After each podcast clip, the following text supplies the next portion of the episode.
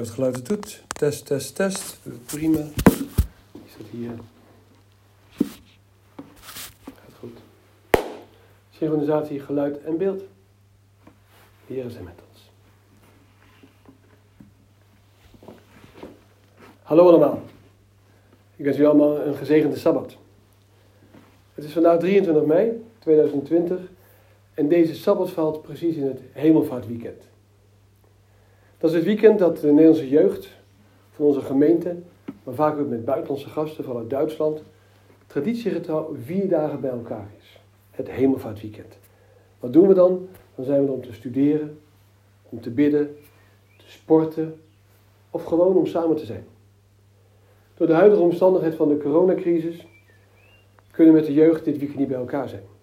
Dat vinden we vervelend en jammer. En we hebben vanmiddag wel via Zoom nog een studiemiddag, zodat we in ieder geval met elkaar kunnen praten over ons wel en wee en ook over de zaken die het anders kunnen zijn. Wat is nou het thema voor vanmiddag? Dat is een thema dat gaat over durf anders te zijn. Dat sluit een beetje aan op de sabbatwachten die u een paar weken geleden ook gezien hebt. En voor de jeugd is er een speciaal werkboekje bijgekomen. Dus dat thema heb ik een praktisch thema van gemaakt voor vanmorgen. Vanmorgen heb ik gekozen voor hoe kan je anders zijn? Als ik je zeg, bedoel ik ook u. Als ik u zeg, bedoel ik ook je. Omdat ik vandaag aanspreek zowel de volwassenen, de jongeren als de kinderen. Waarom heeft God het nou zo gemaakt dat wij erop uit moeten gaan? En dat is tegenwoordig nog een beetje beperkt. Hè? Uh, waar moeten we nou op uitgaan? Nou, denk maar dat je naar school gaat. Zoals voor afgelopen week zijn de lagere scholen weer open gegaan. En binnenkort gaan de middelbare scholen ook weer open. Waarom moet je erop uitgaan om naar je werk te gaan? Of naar stage? Of om boodschappen te doen? Ook in deze tegenwoordige crisis. Etcetera, etcetera. Je moet iets gaan doen. Je zou kunnen zeggen, het is een van de meest buitengewone kansen die God ons gegeven heeft om het evangelie van onze Heer en onze heiland Jezus Christus te vertellen. En het voorbeeld dat ik als eerste ga gebruiken is niet het voorbeeld van een predikant of een prediker. Het is niet het voorbeeld van een zendeling. Het is niet het voorbeeld van een evangelist, ook die van een bijbelarbeider. Nee, het is het voorbeeld van een ambtenaar. Jazeker. Een overheidsdienaar. Een ambtenaar. Maar wel een tijdje geleden. Het is het voorbeeld van een man die 600 jaar voor Christus geboren werd, dus nu 2600 jaar geleden, en heeft de naam Daniel. Kon geen achternaam vinden. Daniel. Dus als u het nu erg vindt, gaan we in gedachten even naar het boek Daniel. U hoeft er niet op te slaan nu. De teksten die u krijgt, ziet u zo wel op het scherm. Daniel was een man net als wij. Of een mens zoals wij, man en vrouw. Hij hield van God. En God hield van Daniel. En toch werd Daniel gevangen genomen. En naar Babylon gebracht. En wat kreeg Daniel daar in Babylon? Hij kreeg een baan in de wereld. Daniel ging dus niet als priester naar Babylon. Hij ging ook niet als voorganger, als predikant naar, Daniel, naar, Babylon. Of als muziekdirecteur, of als onderwijsdirecteur. Of wat voor ambt of functie dan ook. Hij ging als een gevangene naar Babylon. Gedwongen tegen zijn wil. Weggevoerd. Een jongeman met heel veel andere edelen uit Juda. En in Babylon, ik zal heel veel stukken over, vond hij door zijn bijzondere gave die God hem gegeven had, een plaats in overheidsdienst. We gaan in tijd tientallen jaren verder. Daniel werkt voor koning Darius. En door een valse samenzwering wordt Daniel in de leeuwenkuil gegooid. En dan lezen we in Daniel 6, vers 21 het volgende. Toen hij in de nabijheid van de kuil gekomen was, en hij is in dit geval Darius, riep hij naar Daniel met een droeve stem. De koning nam het woord en zei tegen Daniel: Daniel, dienaar van de levende God, heeft uw God, die u voortdurend vereert, u van de leeuwen kunnen verlossen? Dat is een interessant verhaal, hè? Daniel kreeg zijn salaris dus van Darius. Hij was een overheidsfunctionaris en hij was hier een van de hoge ambtenaren. Hij deed niet in afzondering of in een klooster, maar wel een hele zeer belangrijke baan. Ook een invloedrijke baan. Tegenwoordig zeggen we een baan met impact. En toen zei de koning tegen hem: Ik weet dat je God voortdurend dient. Het is zo belangrijk te begrijpen wat Darius hier tegen Daniel zegt. Nu kunnen we allemaal zeggen: Ja, je weet niet eens wat de wil van God is in mijn werk. Je zou kunnen zeggen dat God je tot de bediening heeft geroepen. Maar je hebt geen enkel gevoel van roeping. Ik kan u vertellen dat heel veel mensen zo naar hun eigen werk kijken. Het is eigenlijk de enige baan die ze, die ze, die ze kunnen krijgen. En als u een betere zou kunnen krijgen, zou u dat doen. Maar ja, in tijden van crisis van baan veranderen, met nieuwe proeftijd. Eigenlijk haat je het werk. Je vindt het niet leuk. Je wordt er niet goed voor betaald, vind je. En je talenten worden niet benut. En de enige reden dat je de volgende morgen naar je werk gaat, omdat je moet gaan. Je moet tenslotte eten. De rekening moet betaald worden, de huur, de hypotheek. En als je een gezin hebt, je gezin moet tenslotte leven en eten. Je kan ook zeggen in zo'n situatie, ik heb helemaal geen idee dat ik ben waar God me wil hebben. Als u merkt dat u daar bent en u er niets aan kunt doen en geen andere baan voor u beschikbaar is, neem dan voor mij aan dat u gewoon bent op de plek waar God u wil hebben. Dat is een hele andere manier van kijken. Laten we de Bijbel erop naslaan in Jeremia. In Jeremia 29, vers 4, daar lezen we.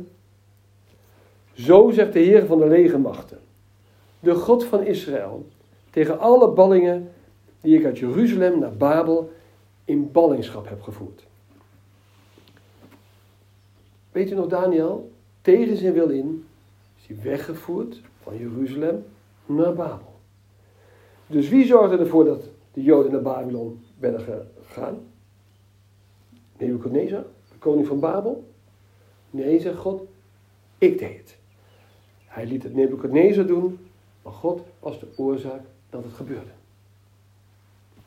Dus als je daarover nadenkt, zou het misschien zo kunnen zijn dat je precies bent omdat God je daar heeft geplaatst waar je bent. Je hebt er misschien net zo min voor gekozen als Daniel zou hebben gekozen om naar Babylon te gaan. Je oproep is misschien niet de oproep zoals de oproep voor het dienstwerk. Uw oproep kan de oproep tot gevangenschap zijn. En misschien is het wel Babylon in symboliek waar je nu woont. Oké, kan je zeggen. Hans, ik kan er echt niet veel aan doen. Je weet wel, ik moet eten. Ik wou dat je weg kon, zodat ik God kon dienen. Op een plek waar ik tot, tot waarde kan toevoegen voor het werk van de Heer. Waar ik niet met al deze zondaars om me heen hoef te hebben. Dat is blijkbaar Gods plan niet geweest. Voor Daniel en mogelijk ook niet het plan voor mij of voor u of voor jou. God bracht Daniel naar Babylon omdat God een doel met Daniel had. En zo heeft hij ook een plan voor ons allemaal persoonlijk. Ik weet het plan ook niet. Maar je moet het nemen zoals het komt. Het was God namelijk die Daniel naar Babylon bracht. De Bijbel zegt het duidelijk. God bracht de Joden naar Babylon. Ook al was de koning van Babylon op dat moment de dienstknecht van God. Wij zijn niet geroepen, in mijn overtuiging, om een eiland van irrelevante vroomheid te zijn. Omringd door een oceaan van nood en ellende. Gods plan voor jou en mij is niet om de wereld te ontvluchten. Gods plan voor, is, voor ons is om de wereld te overwinnen. Laten we het even hebben over de maandagochtend. Het weekend is geweest, je hebt sabbat gehad, tot rust. Je hebt zondag allerlei dingen gedaan. Uh, en dan voel je weer de drang, de druk van maandagochtend. En ik wil het voorbeeld van een rat race erbij halen. Een race van ratten. En dan moet u denken even aan een rat die als een hamster in zo'n tredmolen loopt. Rennen, rennen, rennen, rennen, rennen. En het leidt tot niks. Dat bedoel ik met een rat race. Het is een abstract begrip dat aangeeft of iemand iets bezig is met een reeks eindeloze, lopen in zo'n tredmolen, of nutteloze handelingen die geen uitzicht bieden op resultaat. Het roept het beeld op van de verscheefse pogingen van die rat, die probeert te ontsnappen. Nou, dat beeld van die red race, ik als een metafoor gebruiken. Dus als je nou in Babylon werkt, overdrachtelijk, wil ik het volgende schriftgedeelte graag lezen, wat uit de mond van Jezus komt. Johannes 17, vers 15. In het hoge priestelijk gebed, dan zegt Jezus het volgende. Ik bid niet dat u hen uit de wereld wegneemt, maar dat u hen bewaart voor de boze. Jezus bad niet voor ons isolement. Hij bad wel voor onze isolatie. Dus God plaatst Daniel in Babylon. Hij had niet wat we zouden noemen een voltijdsbaan in christelijke dienst. Hij werd niet door de gemeente betaald. Hij was een ambtenaar, een bureaucraat en werd door de koning Darius betaald. En wij zijn deze wereld gered en terug in deze wereld gestuurd om voor deze wereld te getuigen. Dit is onze belangrijkste bezigheid in de wereld, totdat Jezus ons uit deze wereld haalt. Ten slotte zijn wij het licht van deze wereld. Leest u maar even met me mee, of kijkt u met me mee, wat Jezus zegt in Matthäus 5, vers 14 en 15. U bent het licht van de wereld.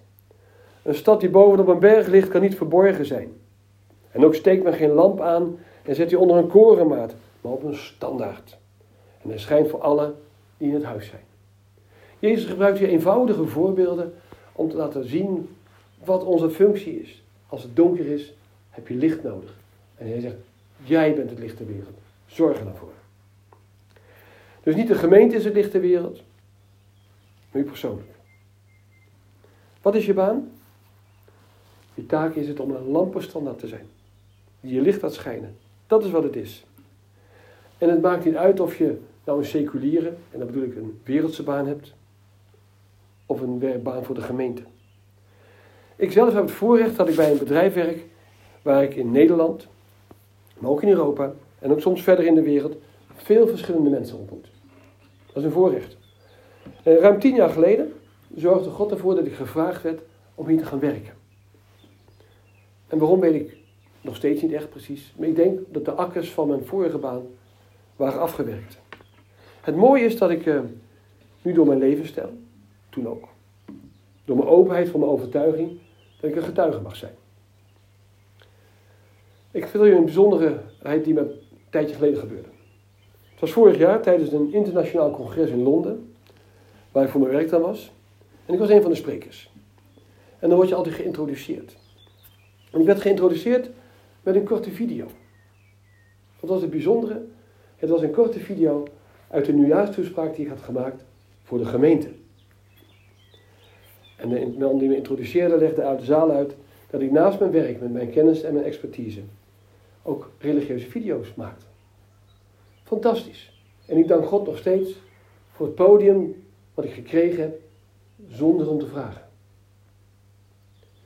Wat zegt Paulus nou over zo'n situatie, of een soort gelijke, of mogelijk een andere waar we iets kunnen betekenen?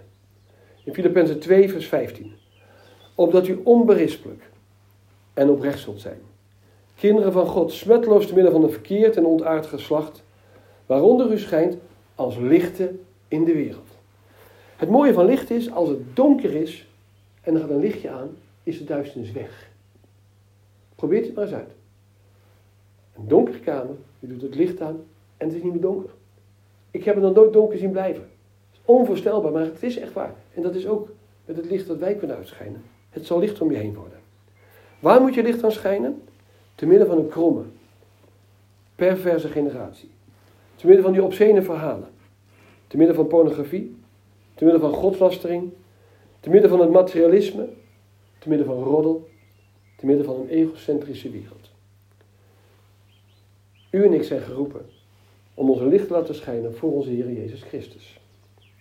Petrus die, nadat hij vergeven was, begreep dat hij een mooie boodschap kon brengen, zegt het volgende in 1 Petrus 2 vers 11 en 12. Hij zegt, geliefde, ik roep u, roep u op als bijwoners en vreemdelingen, dat zijn wij dus, vreemdelingen, u te onthouden van de vleeselijke begeerten die strijd voeren tegen de ziel. Houd uw levenshandel, wandel onder de heidenen goed, opdat zij die u nu van u kwaad spreken als kwaaddoeners, door de goede werken die ze in u waarnemen, God verheerlijken mogen op de dag dat er naar hen omgezien wordt. Als wij gewoon op het smalle pad wat voor ons ligt, recht blijven wandelen, ons licht laten schijnen, te midden van deze best rotte wereld, waar ons werk een tempel van toewijding wordt en onze lamp staat voor getuigen, dan zullen we een diepe impact hebben in onze omgeving. Niet alleen in een kleine omgeving waarin we leven, maar in de hele wereld. En deze tempel van toewijding en licht in ons achterhoofd wil ik eigenlijk een viertal regels van succes aanbevelen. Om te zorgen dat niet alleen dat we het willen doen, maar ook dat het lukt. Het eerste. Schep niet op als je naar je werk gaat. Opscheppen is groot spreken. Dik doen. Alsjeblieft, wees niet zelf ingenomen. Er is namelijk niets onaangenamer dan een zelf ingenomen persoon. Jezus zegt, laat je licht schijnen. Hij zegt, laat het schijnen. Er staat niet, laat het je andere mensen verblinden door je grootsprakerij. Als wij nou de hele tijd praten en opscheppen over hoe goed en rechtvaardig je bent, dan zullen de uiteindelijk de mensen je uitspugen. Dan gaan ze van je overgeven. En in mijn overtuiging is nog nooit iemand door grootsprakerij voor Jezus gewonnen. Tweede advies. Zeur niet als je naar je werk gaat. Paulus schrijft in 1 Colossense 4, vers 5, en ik neem nou de versie van het boek. Dan zal ik in staat zijn het duidelijk over te dragen, zoals ook mijn opdracht is. Gedraag u wijs tegenover de ongelovigen en gebruik elke gelegenheid om hun het goede nieuws door te geven. Schep niet op en zeur niet. Als u getuigt, predik dan niet tot mensen. Spreek met ze. Prediken doen we op een andere manier, zoals nu. Het derde. Blijf niet achter met je werk. Tijdens het werk dragen we een deel van onze lading. Het is een zonde voor een christen om minder te doen dan zijn best. Op halve kracht werken. De beste werknemers in de fabriek. De beste werknemers op kantoor. De beste arbeiders in de instellingen. zouden allemaal kinderen van God moeten zijn. Als een manager of een bedrijfseigenaar die om werknemers verlegen dan uit zijn bureau gaat. En hij zegt, hier zijn de functieomschrijvingen van de mensen die ik zou willen hebben. Als je christenen hebt, stuur ze dan alsjeblieft. Waarom zeg ik dat? Zegt die eigenaar of die manager. Ik begrijp het niet, maar ze zijn op tijd. Ze roddelen niet. Ze stelen niet. Ze flirten niet in de baarste tijd. En ze behandelen mij als leidinggevende met zoveel respect dat je zou denken, dat zij denken dat ik God ben. Ik begrijp het niet, maar het zijn de beste mensen die ik heb. En ik wil meer christenen. Daarom, als derde, we moeten niet achterblijven. Als we betaald worden om een job te doen, dan moet je die job uitstekend doen. We doen het niet voor onze baas, we doen het allemaal voor Jezus Christus. Laatste, het vierde. Ten slotte mogen we niet inzakken als we naar ons werk gaan. En met werk bedoel ik ook je studie, opleiding, je school. Wat ik bedoel is dat we geen compromis sluiten in ons christelijk leven. Wees niet zelf ingenomen, maar wees rechtschapen, wees rein. Als wij willen dat de mensen geloven in het geloof dat je hebt, moeten we daar met vreugde naartoe gaan als we gaan werken of studeren. De apostel Paulus schrijft in Filippenzen 4, vers 4: Verblijd u altijd in de Heer. Ik zeg het opnieuw, verblijd u. Paulus zei het niet voor niks. Een glimlach trekt mensen. Als je een zagrijnig gezicht hebt, dan stoot je mensen af. En waarom zou je dan geloven dat je Jezus in je hart hebt? Ik heb al eerder gezegd, de meesten die op maandag naar hun werk gaan of naar school gaan, hebben een hekel aan het begin van die dag. Sommigen gaan met een kaarten naar hun werk. Sommigen komen uit een gevecht met hun partner. Anderen in een gevecht in het verkeer of in het openbaar vervoer. Of dat ze geen parkeerplaats kunnen vinden. En in Nederland is het helaas ook zo dat de helft een hekel heeft aan zijn werk of zijn school.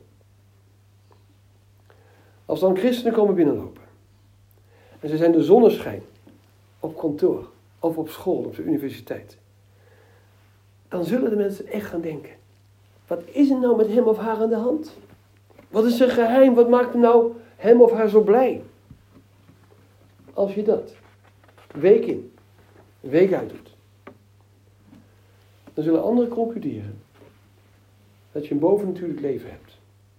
En dat ze het eigenlijk ook willen. Broeder Guldenmeester heeft ooit tegen mij gezegd, broeder Adriaan Schuldenmeester, hij is inmiddels 90, wordt 91 volgende maand, heeft tegen mij gezegd, waar herken je, hand, waar herken je nou een christen aan? Aan zijn gelaat, aan zijn gewaad en aan zijn gepraat. Met andere woorden, een christen herken je eraan als hij dan vrolijk kijkt, een blij en eerlijk gezicht, een open gezicht, of hij er keurig uitziet, of verslonst, en hoe die praat, over welke dingen die praat. Onthoud u maar. Aan zijn gelaat, gewaad en gepraat. Mensen om je heen zijn niet geïnteresseerd of ze naar de hemel of naar de hel gaan. Ze willen gewoon weten hoe ze door het leven komen. De meeste mensen hebben echt allerlei problemen. Ook gelovige mensen hebben problemen. En uiteindelijk komt de vraag dan toch, waar haal je je blijdschap en vreugde vandaan? Uit de onuitputtelijke bron die Jezus Christus heeft. Die zijn heilige geest gestuurd heeft naar deze aarde. Om ons kracht en energie te geven, ons te leiden in alle waarheid. De laatste tekst die ik vanmorgen met u lees, staat in 1 Petrus 3 vers 15. Ik neem weer de versie van het boek. Vertrouw uzelf helemaal aan Christus toe. Hij is onze Heer. Wees altijd bereid verantwoording af te leggen van de verwachting waaruit u leeft, als daarom gevraagd wordt. Maar doe het wel vriendelijk en met het nodige respect. Een betere handleiding kan ik niet geven. Op de vraag uiteindelijk, wat doe je nou hier? De vraag is, hoe kan je anders zijn op deze aarde? Is leg verantwoording af. En als je erom vragen, dan doe het vriendelijk en met het nodige respect. Uiteindelijk komt de vraag altijd op je af. Wat maakt jou nou anders dan anderen? Ik zeg niet beter, want we zijn allemaal zondige mensen. Dan kunnen we antwoorden. Als Jezus er niet was, zou ik ook deze baan haten. Of deze school. Ik geloof dat ik hier ben. Door de voorzienigheid van God. En de Heer is degene die me blijdschap in mijn hart geeft. Tuurlijk heb je hartzeer. Tuurlijk zijn er tranen. Tuurlijk zijn er problemen. Maar Jezus helpen iedere dag opnieuw. En diezelfde Jezus kan jou ook helpen. En daarom wil ik anders zijn. Maranatha.